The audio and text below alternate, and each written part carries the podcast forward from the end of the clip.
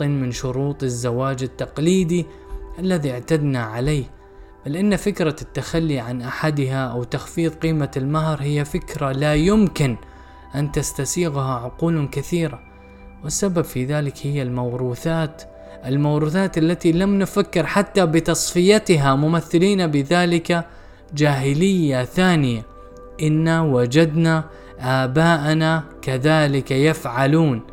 إضافة إلى اهتمامنا الشديد بكلام الناس الذي علينا أن نرضيهم ونحن ندرك أن إرضاء الناس هو ضرب من الجنون. أنا محمد صباح وهذا بودكاست نحكي شوي.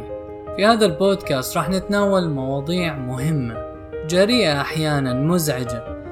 كل الجهود المبذولة في هذا البودكاست ما بتغنيك أو بتمنعك أنه تبحث أكثر. لا تتبنى أي آراء لا تتبنى فكري ولا كل ما أقول. خلينا نحكي شوي. كيف تأثرت المرأة بمجتمعنا بالعادات والتقاليد البالية؟ أسماء عابد الدكتورة والجامعية هذا مقال كتب في 2018 كانت طفلة بريئة تحتضن دميتها بينما ترخي رأسها على المقعد في الحافلة. كان واضحا أنها غارقة في أحلام يقظتها. كانت تبدو وكأنها تطفو في عالم آخر. نظراتها الفضولية نحو الأشخاص والأشياء توحي بعقل متفتح يريد أن يعرف كل شيء. عقل يريد أن يغامر ويخوض هذه الحياة ثم يمنح صاحبته نوما مليئا بمزيد من الأحلام ومزيد من الشغف. أتساءل كم فتاة عربية مسلمة كانت كتلك الطفلة ترغب بامتلاك الدنيا لينتهي بها المطاف مزهرية مهشمة بين أربع جدران لا تجيد حتى تربية أولادها. تربية سليمة. تساءل كم فتاة تم تحويلها من طاقة منيرة إلى وقود للاشتعال مع بقية النساء. وهم وحيد تعيس هو الزواج. تساءل كم برعما تم بتره قبل أن يزهر ليضيء قليلا من سواد هذا المجتمع الذي نعيشه. ما رأيته وأنا أراقب تلك الصغيرة جعلني أتحسر على هذا المجتمع الظالم الذي يصنع للمرأة عالما مزيفا لم يأتي به تشريع من قبل. ويضع لها حدودا ليس لها نفع سوى أن جلبت الدمار لمجتمعاتنا المدمرة أصلا. حينما يتأمل المرء فيما يحيط بالمرأة فسيجد عراقيل كثيرة تأسره. ومعظم هذه العراقيل جاءت من زاوية نظر ضيقة لمختلف الجوانب وزاوية النظر هذه تدعمها قوى كثيرة في العالم. فالإعلام وحده قد صنع جزءا كبيرا منها. لكن هل يمكن النظر للأمور من منطلق مختلف؟ ليس بالنسبة للمرأة فقط بل بالنسبة لأمور عدة في الحياة. على المرأة أن تفهم أنها إنسان مثلها مثل الرجل. قد خلقها الله لتعمر الأرض وتكون خليفة فيها. فإن أحسنت أحسنت لنفسها وإن أساءت فعلى نفسها.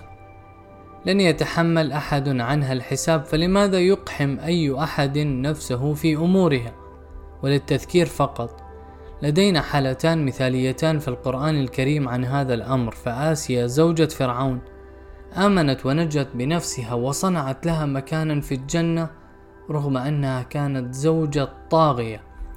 وزوجة النبي لوط وكذا زوجة نوح لم يغن عنهما كونهما زوجتا نبيين بشيء. وانتهى بهما المطاف كافرتين رغم أن الرسالة كانت أقرب إليهما. هاتان الحالتان لا تدلان سوى على شيء واحد وهو أن المرأة هنا وفي كلا الحالتين قد استخدمت عقلها واعتمدت على تفكيرها وآرائها بعيدا عما يراه زوجها وحسابها في الآخرة لن يكون مرتبطا بالزوج ولا بأحد آخر بل بها فقط. تعقيب هنا لا أوافق أو أؤيد كل ما قيل بهذه المقالة ولكن أنقلها للفائدة ولسبب معين. نكمل. إذا إن كان للمرأة هذه الحرية في أن تدخل الجنة أو النار ألا يعني أن لها الحرية في أن تختار الطريق الذي سيوصلها إلى مصيرها النهائي؟ ولست هنا أنادي للحرية التي صرعتنا بها وسائل الإعلام فاعلم أن قارئ هذا المقال سيعرض عنه وينعتني بحاملة للفكر الغربي أو يكفرني ربما لأنني أتلفظ بما هو ممنوع. لكنني أنادي هنا بإعمال العقل والمنطق والكف عن السير بمنطق الجهل. ما الذي يربطنا كثيرا في مجتمعنا من حرية التحرك وفعل أمور كثيرة؟ إذا منحنا هذا السؤال حقه ستكون الإجابة واضحة وهي الموروثات الثقافية والعادات والتقاليد والعرف وما إلى ذلك. لكنك لن تجد لفظة الدين هنا. فالإسلام لم يمنع في ثناياه أي إنسان من الحق في العيش كما يريد وتحقيق ما يرغب به وكذا السير في الطريق الذي يربح أو يريحه. طالما هو يفعل هذا دون أن يخالف أوامر الخالق من هذا المنطلق سندرك أننا نظلم أنفسنا كثيرا في هذه الحياة وأننا نغفل أمورا مهمة نقدم عليها أو نقدم عليها أمورا تافهة. فالفتاة مثلا منذ أن تبدأ بالظهور على الساحة كشابة يبدأ حديث الزواج بالطنين فوق رأسها. فتجعلها الجارة والجدة ونساء الأعراس فتاة فاشلة إن هي لم تستطع أن تتزوج في أقرب وقت. وإن هي تلفظت بكلمة بكلمة دراسة ونجاح فسيجعلنها تندم على اليوم الذي قررت فيه مناقشتهن. فبالنسبة لهن لا نجاح في هذه الحياة للفتاة إلا بالزواج. ولاحظ معي أن الفاعل هنا هو المرأة. المرأة هي من تظلم نفسها في هذا المجتمع أكثر مما يظلمها الرجل.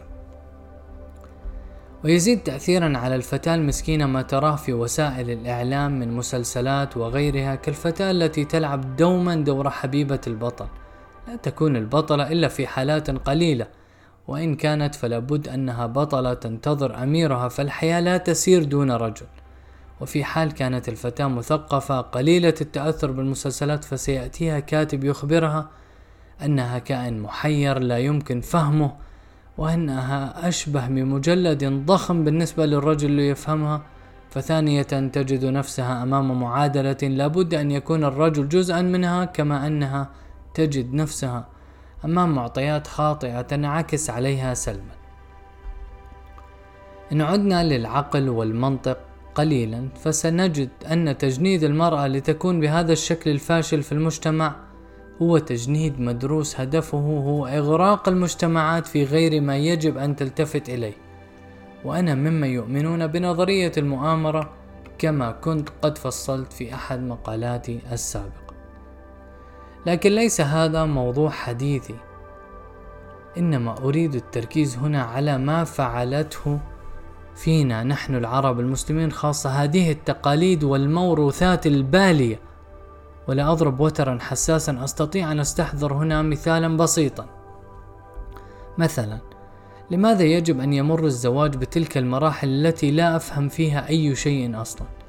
لماذا يجب أن تكون هناك حناء قبل العرس وعروس لا يجب أن تضحك في عرسها ومهر مبالغ كأنه يتم شراؤه وملابس معينة وحلي من ذهب وغيرها من التعقيدات؟ إن سقط شرط من هذه الشروط فما الذي سيقوله أهل العرس أو الناس؟ واللفظ واضح عيب. سينقلب الناس وحوشا ضد من يخل بشرط من شروط الزواج التقليدي الذي اعتدنا عليه بل إن فكرة التخلي عن أحدها أو تخفيض قيمة المهر هي فكرة لا يمكن أن تستسيغها عقول كثيرة والسبب في ذلك هي الموروثات الموروثات التي لم نفكر حتى بتصفيتها ممثلين بذلك جاهلية ثانية إنا وجدنا آباءنا كذلك يفعلون إضافة إلى اهتمامنا الشديد بكلام الناس الذي علينا أن نرضيهم ونحن ندرك أن إرضاء الناس هو ضرب من الجنون. الحقيقة أننا عبارة عن مجتمع يخاف من القيام بالخطوة الأولى في أي شيء فكل ينتظر من الآخر أن يبادر وحينما تتم معاتبته فسيقول أنه يتبع ما يرى الناس عليه.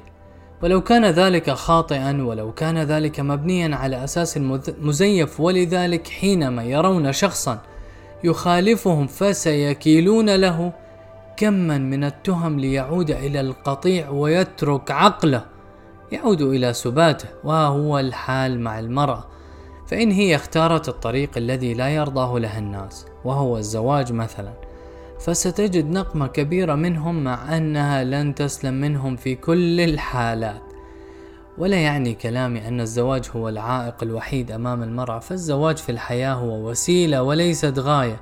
كما أن هناك من تتزوج وتنجح في حياتها كإنسان له كيان خاص لكن الفكرة هي أن على المرأة أن تدرك حجم المسؤولية الملقاة على عاتقها. وهذه المسؤولية ليست تربية الأولاد فقط بل المشاركة.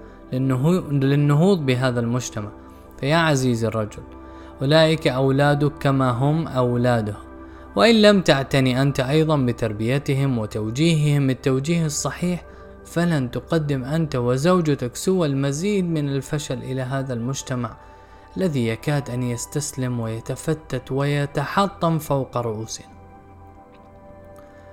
العادات والتقاليد والموروثات التي نربط أنفسها أو أنفسنا بها ليست سوى ربط ظالم نستطيع أن نتحرر منه. في أي لحظة وحينما يظننا الناس قد اقترفنا خطأ كبيرا وذنبا غير عاقل للغفران لنتذكر أن تارك القطيع سيتم تصغير حجمه دوما وتخويفه ليعود إليه.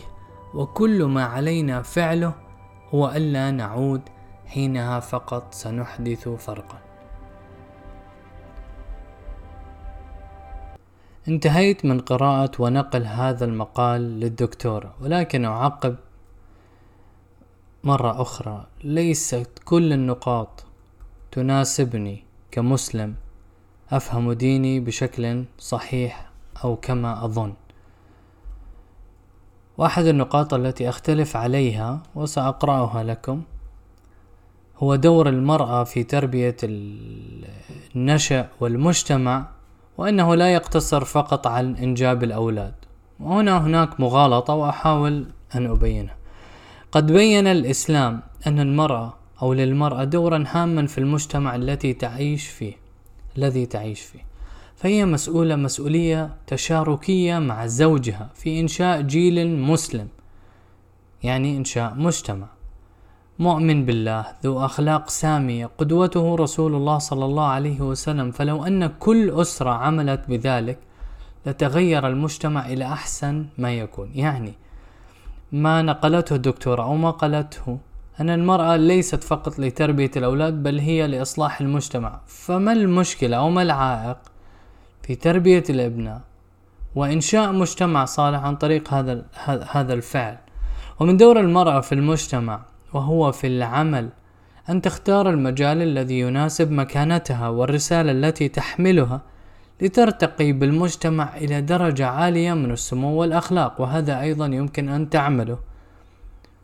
ولا يضر أن يكون لها أولاد. وبذلك تكون قد أدت الأمانة الأخلاقية فتكون مثالا يحتذى به للأجيال الصاعدة في مجالات العمل المختلفة كالتعليم والطب والمدارسة. وللمرأة دور في أن تحافظ على نفسها من أن تكون كما يروج أصحاب النفوس المريضة فهم ينادون بتحرر المرأة ولا يريدون من ذلك إلا حرية الوصول للمرأة. فيجب أن تحذر من هؤلاء الذين يحرضون على فساد المجتمع بنشر الشهوات والمنكرات والدعوة إليها. أتمنى أن تكون الرسالة وصلت وسبب نقلي لهذا المقالة وهي الموروثات والعادات والتقاليد بغض النظر عن محتوى هذه المقالة سلام.